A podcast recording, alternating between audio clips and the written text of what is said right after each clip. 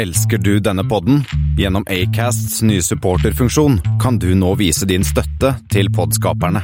Det er helt opp til deg hvor mye du ønsker å bidra med. Klikk på lenken i podbeskrivelsen for å støtte podkasten.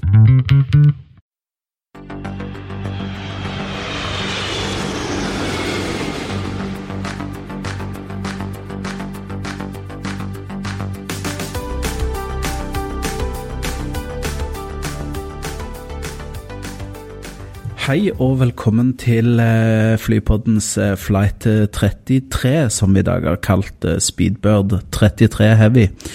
Det er en litt spesiell episode i dag, fordi at vi pga. litt tekniske utfordringer må jo spille inn da litt av podden i etterkant. Men det går greit, Kristian, gjør det ikke det?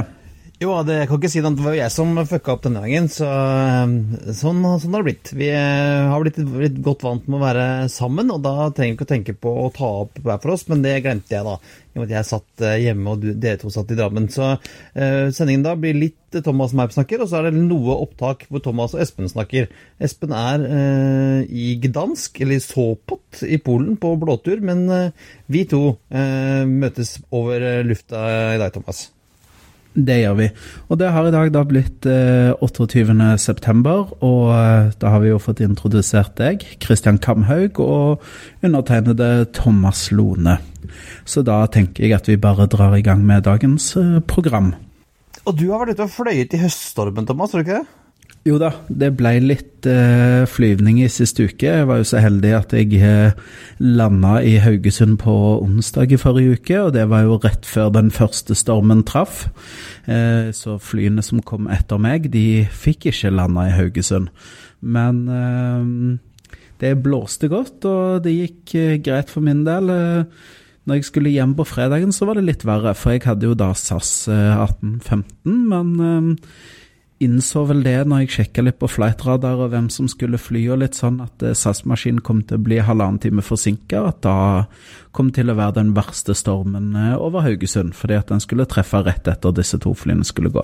Så da var det bare hedga sine bet og booka inn på DU-flighten òg, som gikk, eh, fikk de to siste setene der, meg og en kollega. Og sjelden har det vært eh, så greit å sitte i et midtsete helt bakerst på en 737. Det var, gikk helt greit så lenge man kunne komme hjem. Ja, det er jo eh, som vi sier at det er jo det å reise med fly i Norden nå på høst og vinteren, det er jo risikosport. Så det er om å ikke ha altfor dårlig tid. For at plutselig så er det storm og snø og, og freezing fog og sånn, og da er det liksom ingenting du kan gjøre. Nei, og det var jo det, det flyet som landa, da. De klarte faktisk å lande selv i stormen, fordi at uh, vindretningen var veldig bra i forhold til rullebanen i Haugesund. Men det viste seg jo det at de stakkarene som satt inni det flyet som landa, de måtte jo faktisk sitte halvannen til to timer fordi at uh, kapteinen eller bakkemannskapene eller hvem det var, så um, gjorde den vurderingen at det ikke var trygt faktisk å gå ut, å gå ut? av flyet. ok. Så det flyet kom seg ikke av gårde før nærmere eh, halv elleve-elleve på kvelden. Så jeg tror både kona og meg sjøl inkludert var happy med at jeg da bytta til Norwegian og kom meg hjem på tiden og landa litt før klokken sju på Gardermoen på en fredagskveld. Det er ikke gærent. Det er ikke gærent. Men vi må videre i sendingen, Thomas. Vi har noen nyhetssaker vi skal snakke om. Vi skal både til Belgia og Afrika, og vi skal vel snakke litt brexit, og vi skal til Albania og ja, litt, av hvert skreddom, så er det bare å, å gønne på, Thomas. Ja, og du Kristian, du har uh, spadd frem noen nyheter nå om uh, våre venner i Air Belgium. Det viste seg at uh, vi var ikke raske nok på laben, så jeg tror, tviler på at vi får flydd de til Hongkong. Ja, for vi har jo fulgt Air Belgium siden de skulle starte opp, og vi hadde en diskusjon om fargene var tacky eller classy. og vi har jo prøvd eh, å kontakte deres PR-byrå for å se om vi kunne få oss en tur for å teste. Eh, vi har ikke fått noe svar. De har vel ikke innsett hvor viktig Flypodden er som uh, nyhetsmedie, men nå ser det ut til at de dropper alt som er ruteflyvninger. De har jo begynt å fly eh, Brussel eh, til Hongkong, eh, og hadde planer om flere andre byer i Kina også, men nå legger de det på is. og kjør heller wetlease. For vi har jo snakket om det tidligere, Thomas, at uh, det er jo et stort marked for wetlease om dagen, særlig på longhold, fordi veldig mange sliter med motorene sine på Dreamlinerne. Ja, så de har jo bl.a. flydd disse fire A340-ene. Fløyet for bl.a. BA, Air France, TUI Fly, Condor og Surinam Airways av alle ting. Så de har jo funnet god business for disse maskinene, da. Ja da, og nå som oljeprisen øker og har passert 80 dollar fatet, så kan det vel være sånn at disse flyene er ganske, ganske billige å eie, men dyr, starter dyrere å operere. Så da er det kanskje billigere å ha den stående på bakken enn å fly. Og når de først flyr, så får de jo godt betalt. Så det kan hende det er en smartere måte å tjene penger på enn å fly fra et jorde i Belgia til Kina. Vi ønsker vennene våre venner i Air Belgium lykke til. Vi har jo også i tidligere podden fulgt mye Vi er vel kanskje ledende i, i, Norden på å følge afrikansk luftfart. Og um, nå har det jo skjedd noe i forhold til Nigeria Air, som vi snakket om tidligere, Christian. Ja, eller at det ikke har skjedd noe.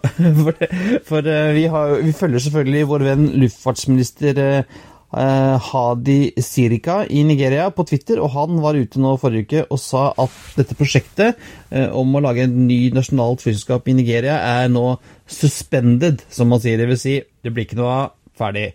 Uh, og det har jo ført til at myndighetene i Nigeria har fått, eh, fått kjeft, som forventet. Ja, for eh, hvem er det egentlig som sitter igjen med regningen, og hvem er det som har tjent penger på dette engasjementet her, Christian? Ja, det er jo regninga havner vel hos de nigerianske skattebetalerne, da. og blant annet så har det vært inne en del konsulenter, blant Lufthansa Consulting har vært inne, og visstnok, ifølge mediene i Nigeria, så skal det ha brukt en sånn 50 millioner kroner på konsulenttjenester for å få det opp og stå, opp og fly. Og så har det også vært påstått at de har bestilt flymaskiner, og det er jo ikke gratis å bestille fly, så vi får se hva enden på visa der er. Det ser jo også ut som at Uh, nigerianske myndigheter har uh, tatt kontrollen på Arik Air og et par andre flyselskap i Nigeria fordi at de ikke har betalt å betale regningene sine. Så uh, hva som skjer i Nigeria, det er uavklart, kan man si. Det, da får vi følge med det. Um, det er jo annet òg som skjer i Afrika. Uh, South African Airlines er jo, um, er jo et selskap som både jeg liker, og du har jo flydd med de selv, Christian, og synes det er bra. Uh, de har jo tapt mye penger de siste årene. Det har vært mye vannstyre, korrupsjon.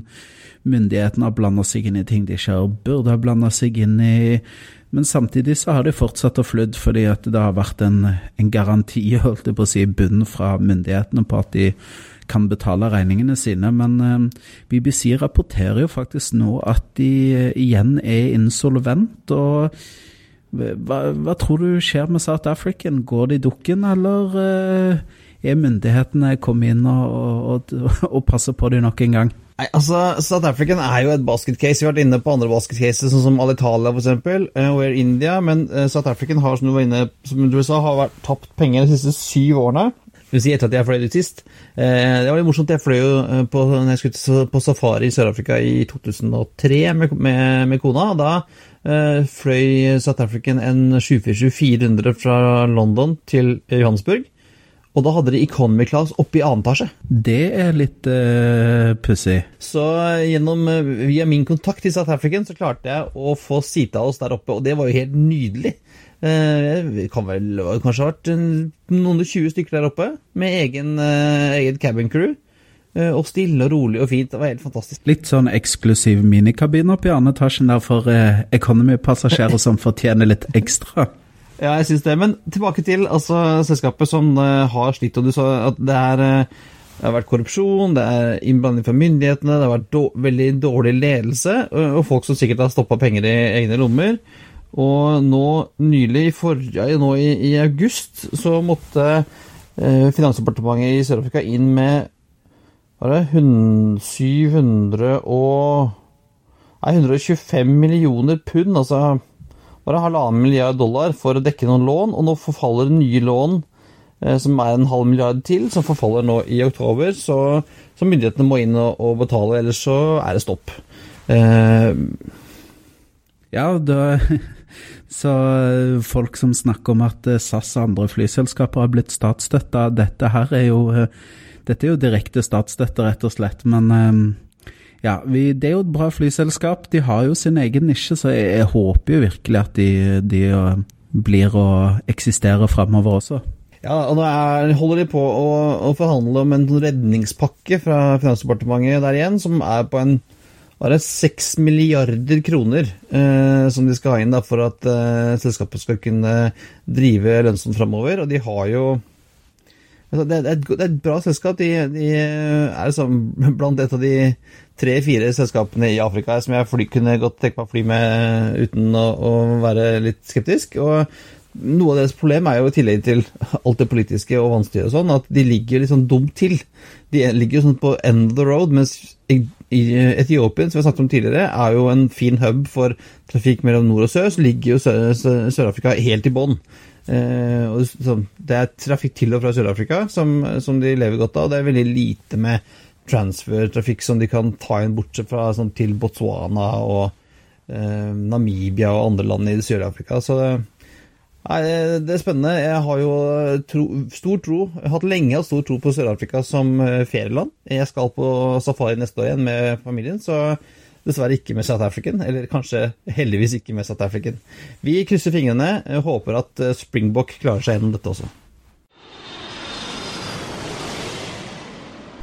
Og siden dette er en sending der teknikken ikke har helt stått å spy, og vi må ha klipt og limt litt for å få denne sendingen til å gå opp, så har vi ikke introdusert vår neste gjest, som er Espen Næss. Som eh, nok en gang kommer tilbake til eh, Flypodden. Og eh, nå er det jo sånn at nå i høst så starter jo spadetakene for non-Schengen-utbyggingen på OSL. Og du har sett litt på det, Espen? Uh, ja, denne gangen er det noen Schengen som skal utvides. Det er jo vel den området av eh, OSL som kanskje er trangest, mest overbefolket og mest moden for å utvides. Nå er det lenge siden jeg har reist herfra selv, men hva syns du, Thomas? Jo, det er, det er ganske så stinn brakke der midt på dagen kan være. sist jeg fløy, da var med thaimaskinen, som går vel i halv tre-tiden. Og da gikk det noe både Emirates og Qatar samtidig, og jeg tror pinadø det hadde vært London-fly der òg. Så da blir det ganske sild i tønne ute, ute på uh, Pir der. Nå har de jo tjuvstartet litt og gjort, kall det si, forberedende arbeider for å hele tatt kunne bygge ut. Men planen er i hvert fall da 1.10 klokka åtte så uh, settes spaden i jorda, eller eventuelt rivemaskinene kommer i gang. For uh, slik jeg forstår det, så blir det jo litt kaos når du skal bygge om en flyplass i drift. Og de begynner vel med å stenge de tre ytterste gatene for widebodies. Men blir ikke det veldig kaos da? Det blir jo Altså, de, Der står Norwegian eh, sine 787-er, der står Thai sin 777, der ute står Qatar når de kommer, Emirates står der ute. Det blir mye buss, da. Det blir eh, buss for gate. Men eh, har vi troen på at det blir veldig kaos, eller? Eh, du var vel med på bussboarding på en eh, Airbus A330. Hvordan gikk det?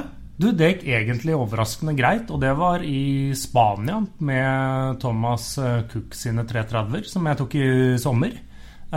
Men nå skal det jo sies, det var jo ikke minus 15 grader, og det var ikke regn. Men selve prosessen gikk jo overraskende greit. Ja, ja, så Det blir i hvert fall uh, spennende å se hvordan det skrider frem. Uh, eh, OSL har jo lagt ut uh, noen bilder av hvordan det kommer til å, å se, se, ut. Og det har jo vært noen kritikker ved at den nye noen Schengen-delen kanskje bryter litt med designet på resten av flyplassen. Eller hva syns dere?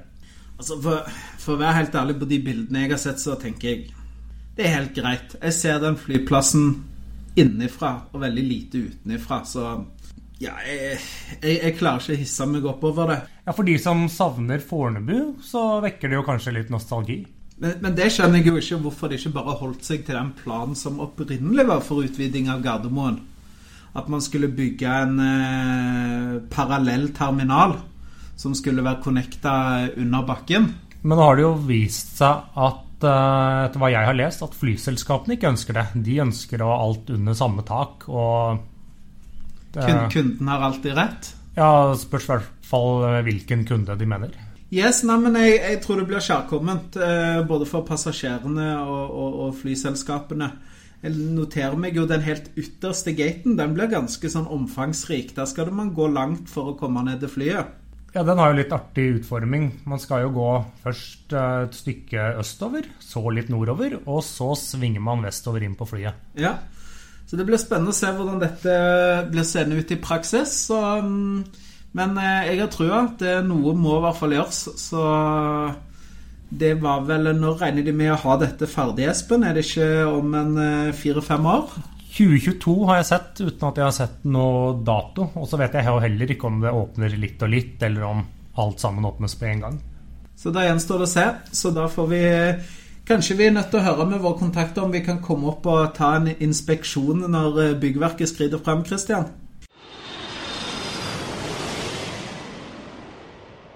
Vi må videre, eh, og da skal vi ganske langt videre, for vi skal til eh, Albania. Hva kan du om albansk luftfart, eller lurer man faktisk på noe om albansk luftfart?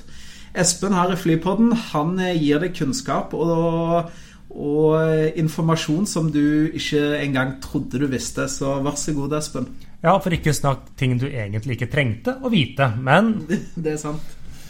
Eh, Altså, eh, Grunnen til at vi nå snakker om Albania, er at de har fått et nytt flyselskap. Air Albania. Eh, det er Turkish Airlines eh, som er inne. De eier 49% og så er det en blanding av lokale investorer og noe som heter Alb-kontroll, som visstnok er den uh, albanske staten. Jeg vet ikke om det er deres form for Avinor eller ikke. Men de har i hvert fall eh, startet opp. De har fått seg et fly. Uh, som de har hentet hos Turkish Airlines. Det er til og med operated by Turkish Airlines. En A319 og har planer om ytterligere flere airbusser fra dem. Og så forstår jeg jo ikke helt om det egentlig har kommet i gang, eller om det bare er en testflyvning med passasjerer de har hatt. Men de første flighten var i hvert fall ned til eh, Istanbul.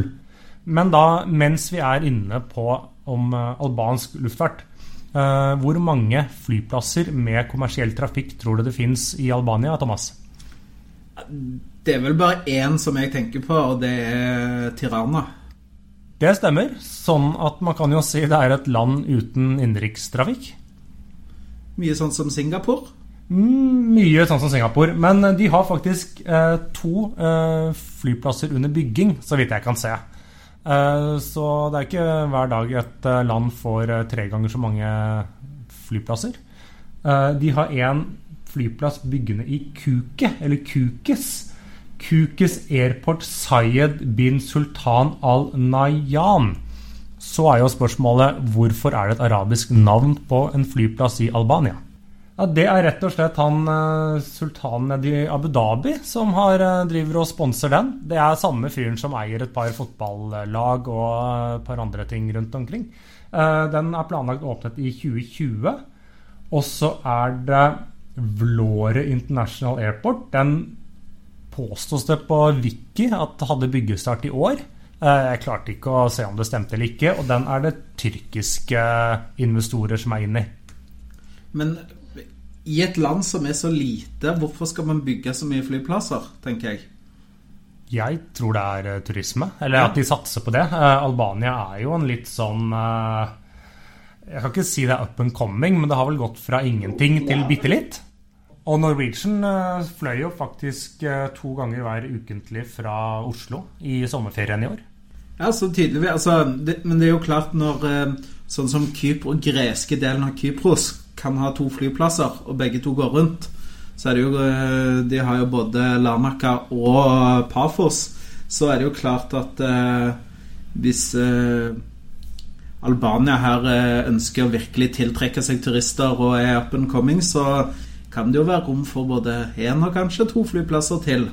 Ellers har jo eh, Albania hatt en litt sånn broket historie når det kommer til eh, flyselskaper. Jeg tok ikke sånn mini-dypdykk inn i det.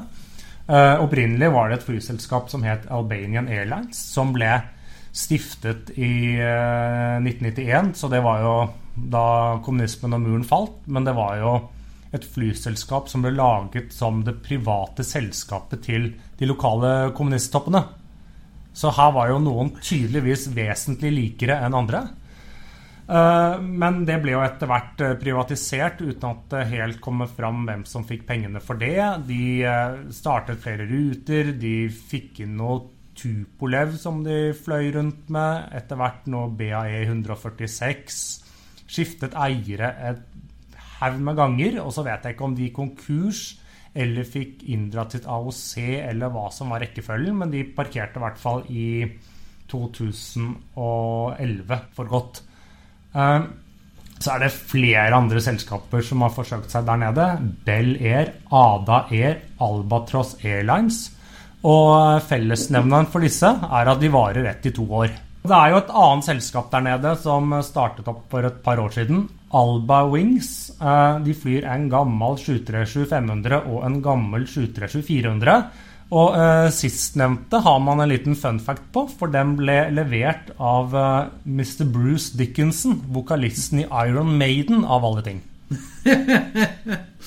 han har en liten finger med i spillet, han eh, Bruce Dickinson. Ja, og det virker jo som han kan fly det mesteparten som er der i lufta. Han må ha utsjekk på alt, eller kanskje han bare tar seg utsjekk at ingen som spør. De tenker at ja, her kommer Bruce Dickinson, det er greit. It's ok, I'm with the band, så de sier. Så eh, ja, nei, jeg vet ikke. Det, det, det virker som han kan fly 767-er, 747-er, 737-er. Kanskje han har fått en sånn, eh, sånn uh, utsjekk fra Boeing på alle flyene. Ja det, ja, det, hadde vært uh, nesten litt morsomt å vite. Men uh, jeg vil jo nesten si at uh, Bruce Dickinson, Iron Maiden og fly hadde jo nesten vært nok stoff til en hel episode.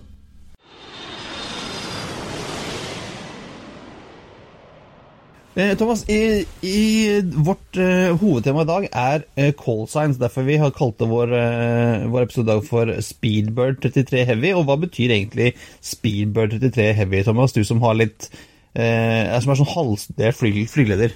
Det er sant. altså Nå er det jo sånn at alle flyselskap har noe som heter en sånn callsign. og Det er jo noe som man da bruker på radioen når man snakker med flygeledere, når man snakker med operations og etc. Så har man da et callsign. Og Speedbird er jo da callsignet til British Airways. Eh, hvorfor det er Speedbird ikke gjerne British eller British Airways, det skal vi komme litt tilbake til, men det er i hvert fall det da som han setter foran flightnummeret. Og flightnummeret, det kjenner jo passasjerene til. Det står jo gjerne BA123, og da blir det flyet som oftest, nå har de jo begynt med litt andre eh, radio, altså nå er det ikke én til én mellom flightnummeret og callsignet, men for enkelhets skyld så kan vi da si det at Speedbird da 123 er det samme som BA123.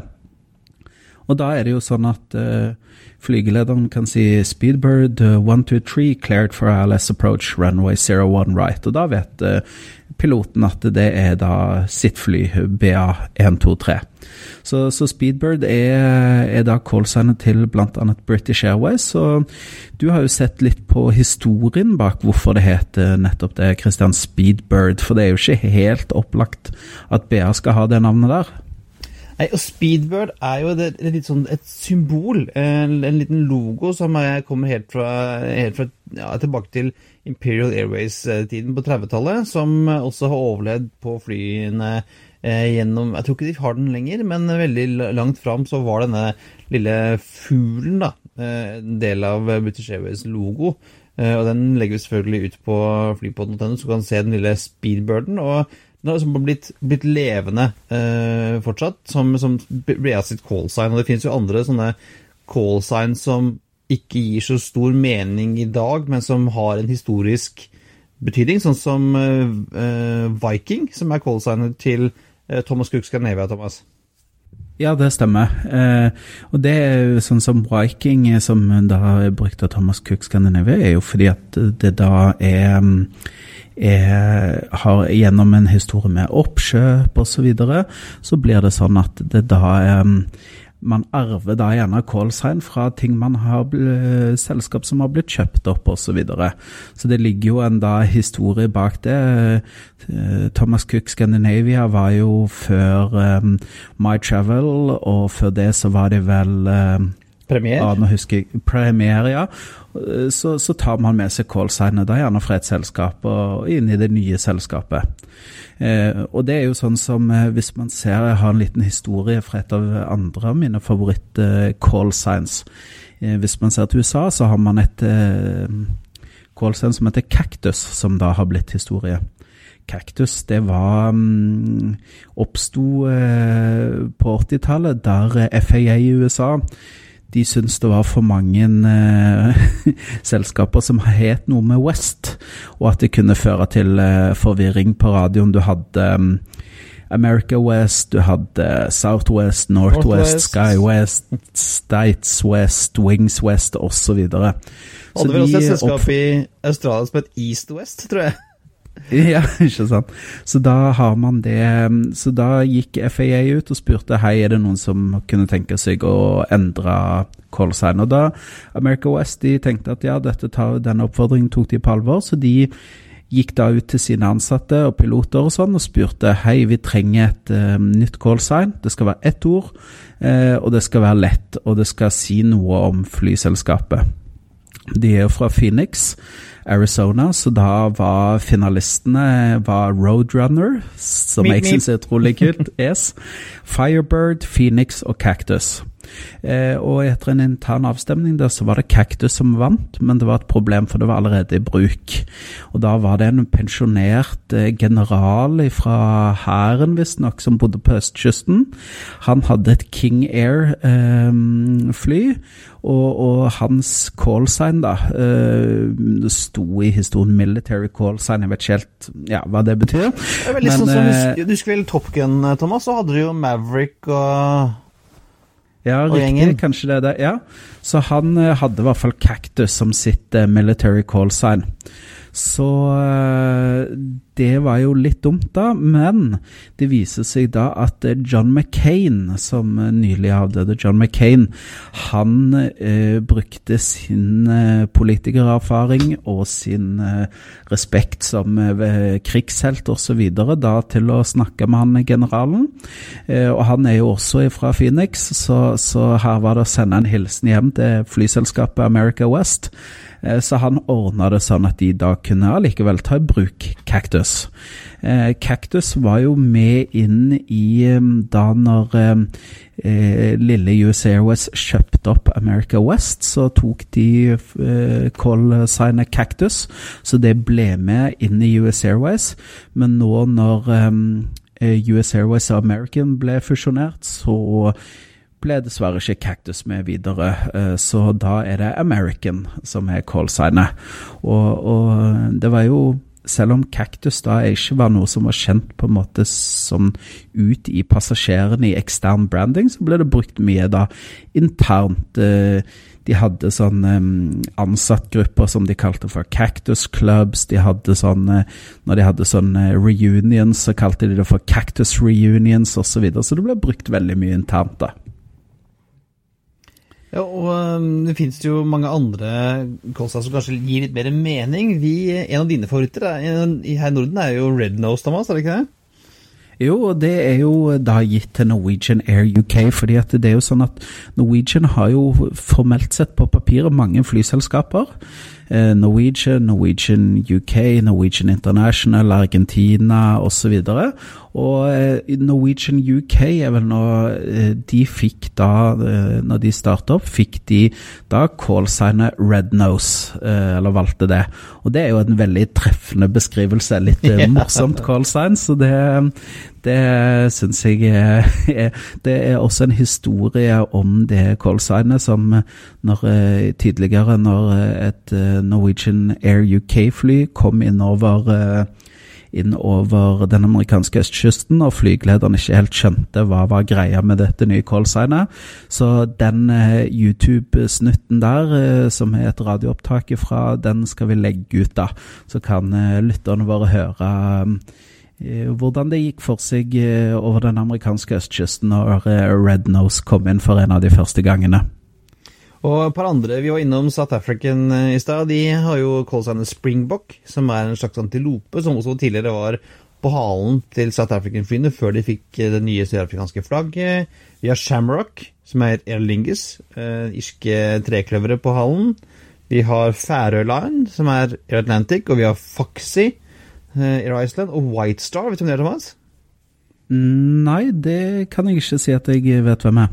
Det er Star Air, eh, danske fraktselskapet som har eh, Mersk Air sin hvite stjerne på hallen. Men et som ikke dør, Thomas, er jo Air Force One. Ja, det er jo kanskje det mest kjente callsignet, uten at folk tenker på det som et callsign, for det har jo mer blitt et uh, begrep. Um, man knytter det jo ofte veldig til disse um, 747-200 spesialbygde maskinene for presidenten, men uh, det er jo ikke nødvendigvis knytta akkurat til disse maskinene, Christian? Nei, det er jo faktisk ethvert fly som den sittende amerikanske presidenten er på, er Air Force One. Så om Donald Trump hadde vært og fløyet i en Cessna 172, så hadde det vært Air Force One. Og, og, eh, Trump har jo en egen 757. Hvis han hadde flydd den, hadde det da vært Air Force One? Nei, det hadde vel ikke vært det, for det vel, eh, må jo være en Air Force-maskin, da, tenker jeg. Eh, ja, det, det, er, det er nok sant. Ja, og så er det en historie når, når Kennedy døde, ble skutt i, i, Dallas, så fløy de jo han hjem eh, ganske kjapt til Washington med visepresidenten om bord. Og når de tok av, så var det jo Air Force 2, for det var jo visepresidenten. Men på flyet på vei til Washington så døde jo eh, Kennedy, og Lyndon B. Johnson ble innsatt som president. Og da endet det til eh, Air Force 1 på veien. Riktig, så her er det et fly som faktisk har bytta call sign in air. Uh, Thomas, vi kalte dette for Speedbird 30 Heavy, og hva betyr denne heavy på slutten? Ja, det kan vi snakke litt om. Altså, heavy er et, noe som man hiver på bak callsignet for å indikere at dette er et stort fly. Um, ofte over en gitt maks takeoff-vekt så sier man heavy. Eh, typisk en 747, eh, en 777, en 767, A380, A330 osv. Eh, et liten pussig ting der er jo det at um, Boeing 757, sånn i de formelle definisjonene, var ikke tung nok, hadde maks takeoff-vekt til å bli kalt heavy. Men Eh, og nå her kommer vi inn av litt av grunnen til heavy. Det, det, er to grunner. Den ene er at disse store flyene, når de tar av, lager noe som heter wake turbulence, som gjør at fly som tar av er etterkant, dersom de er lettere, f.eks. en 737 eller til og med en liten Cessna, de må vente lenger før disse eh, turbulensen gir seg etter de flyene som har tatt av. Eh, så, så, det er en av grunnene, sånn at eh, flygelederne husker det. Ja, ok, det er en heavy maskin maskin som tar av. Så da må vi ha litt mer tid? Vi gjester om vi har litt mer eh, tid før vi klar, gir klarering til takeoff. Eh, og så er det en annen ting, det er òg for å huske dette her med at eh, gjerne en 747 eh, eller en 777 har jo litt andre manøvreringsegenskaper i lufta. Det er litt vanskeligere å be en 777 snu på en 50-øring og bremse i tillegg og sånn, i en forhold til en, kanskje en 737 eller enda mindre fly, som er litt mer fleksible da i forhold til flygeledertjenesten. At de, at de, at de kan være litt mer sånn eh, kvikke og smidige og, og, og flette inn i trafikken. Disse store maskinene trenger litt mer plass og litt eh, mer forutsigbare trafikkmønster inn mot flyplassene. Så leste jeg at det finnes et ekstra som heter Super. Ja, det er vel egentlig bare berykt om Airbus A380. Eh, I USA så sier de da f.eks. Eh, British Airways så sier de da f.eks. Speedbird uh, 33 Super Heavy. Uh, og da indikerer det da at ja, dette er, dette er den store hvite hvalen som er på tur. Det er faktisk eh, det er faktisk to flytyper som har super eh, etter seg. Og Enlighten Me. Det er 380 og den ene AN225, selvfølgelig. Selvfølgelig, den eh, hadde jeg helt glemt ut. Den eh, Ja, det er klart når du har seks jetmotorer, eh, tre på hver vinge, og kan svelle unna det fraktvolumet og vekta som den kan, så fortjener du også super etter callsignet. Dette er helt klart. Jeg husker jeg så var på Paris Airshow for noen år siden og så så en sånn flight-oppvisning med AN225, og da etter at den hadde vært oppe og fløyet rundt Le Bourget noen minutter, så var det, var det, stille i lufta ganske lenge. For da var det så mye rolig luft der oppe at uh, de flygelederne sa at nå må bare alle på bakken en god stund før vi sender opp noe nytt der oppe. Det er klart disse her lager jo mye um, turbulens og roter mye til i luft, lufta rundt seg. Så det er ikke bare bare å fly inn i waken av en A380 eller en eh, Antonov 225, eh, eller for den del en Boeing 757, som er kanskje en av de verste maskinene. Selv om den er ganske lett, så lager den utrolig mye wake turbulence. Jeg tror det var vel eh, det vi hadde om uh, call signs i dag, Thomas. Bortsett fra vi, som naturlig eh, påbygning på dette, så er jo det tar vi jo ukens anbefaling. Det må vi gjøre. Da fyrer du løs, Christian. Jo, eh, vi har jo sagt om Air Force One, og vi må jo nesten anbefale da eh, filmen Air Force One fra 1997 med Harrison Ford.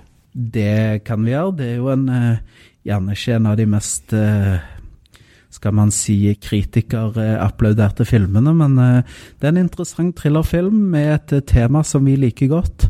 Den begynner å bli noen år, 21 eh, år, men det er jo Harrison Ford og Gary Olderman blant andre i, i rollebesetningen der, så den, den kan vi anbefale dersom du har to timer av se. Og flygning og eksplosjoner og alt mulig. Jeg, vet, jeg har ikke klart å finne den på noen strømmetjeneste, men den fins på iTunes for uh, nedlasting for en 70 kroners uh, lapp, så det kan være anbefalingen for helgen. Air Force One, Harrison Ford, uh, gønne på. Det er billig underholdning. Det var det vi hadde i dag. Da er det bare på tide å spenne fast setebeltet, rette opp stolryggen og sørge for fri sitt gjennom vinduene før vi går inn for landing på flight 33 Heavy, som faktisk er BAs London-Kuala Lumpur-flight. Eh, for de som lurte på det, finn finner oss selvfølgelig på facebook.com på Instagram at freepodden og på Twitter at freepodden. Og du finner linker til det vi har sagt om i dag, bilder eh, Thomas skal legge ut, dette Red Nose-klippet, vi har traileren på Air Force One, vi har Speedbird, vi har et nydelig bilde fra OSL tatt her en morgen av uh, friend of the pod Morten Nesheim fra Tårnet, som uh, er liksom, da, ukens bilde. Gå inn på flypodden.no, der finner du alt sammen. Takk for i dag. Strålende helg. Beklager de tekniske problemene fra Asker. We truly appreciate your business and look forward to serving you on a future flight.